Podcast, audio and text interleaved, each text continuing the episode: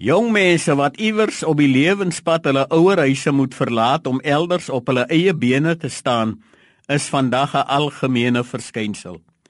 In Daniël hoofstuk 1 lees ons van 'n groot groep jong mense wat as oorlogsby deur die soldate van Babelonie uit hulle land Palestina na die onbekende weggevoer was. Vier van die jong mense is aan ons bekend.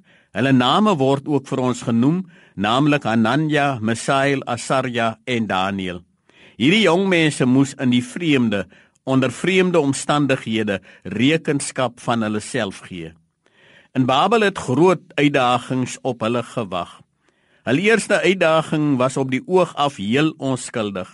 Hulle was aangeraai om hulle name te verander, om in te pas by die nuwe samelewing waaronder hulle hulle bevind het.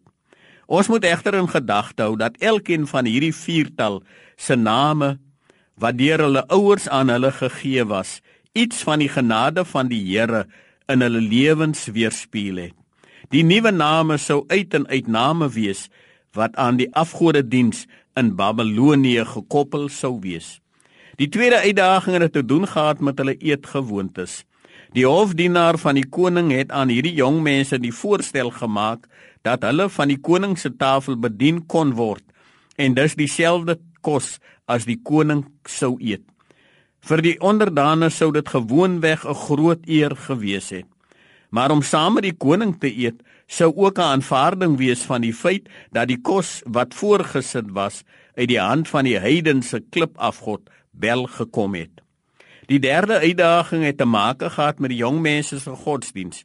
Daar was 'n wet uitgevaardig dat niemand vir 30 dae lank tot hul God mag bid nie. Die vierde uitdaging het te doen gehad met groepsdruk. Want van hulle was verwag om saam met die volk te buig voor 'n beeld wanneer die orkes sou begin speel. En toe, toe het hierdie vier vriende soos een man besluit: Ons behou die name wat ons ouers vir ons gegee het. Ons bly eet die eenvoudige voedsel wat ons in Palestina aangeleer het. Ons weier om nie met ons God te praat nie. Inteendeel ons bid waar almal ons kan sien. Iemand vra my nou die dag, is daar moontlik 'n versekering wat ons kan uitneem om ons kind teen die gevare van die lewe te beskerm?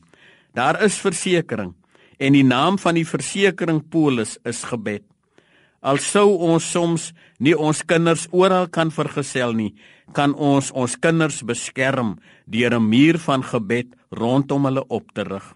En van die kant van ons jong mense sal ons die besluit moet neem. My godsdienstige beginsels is vir my kosbaar.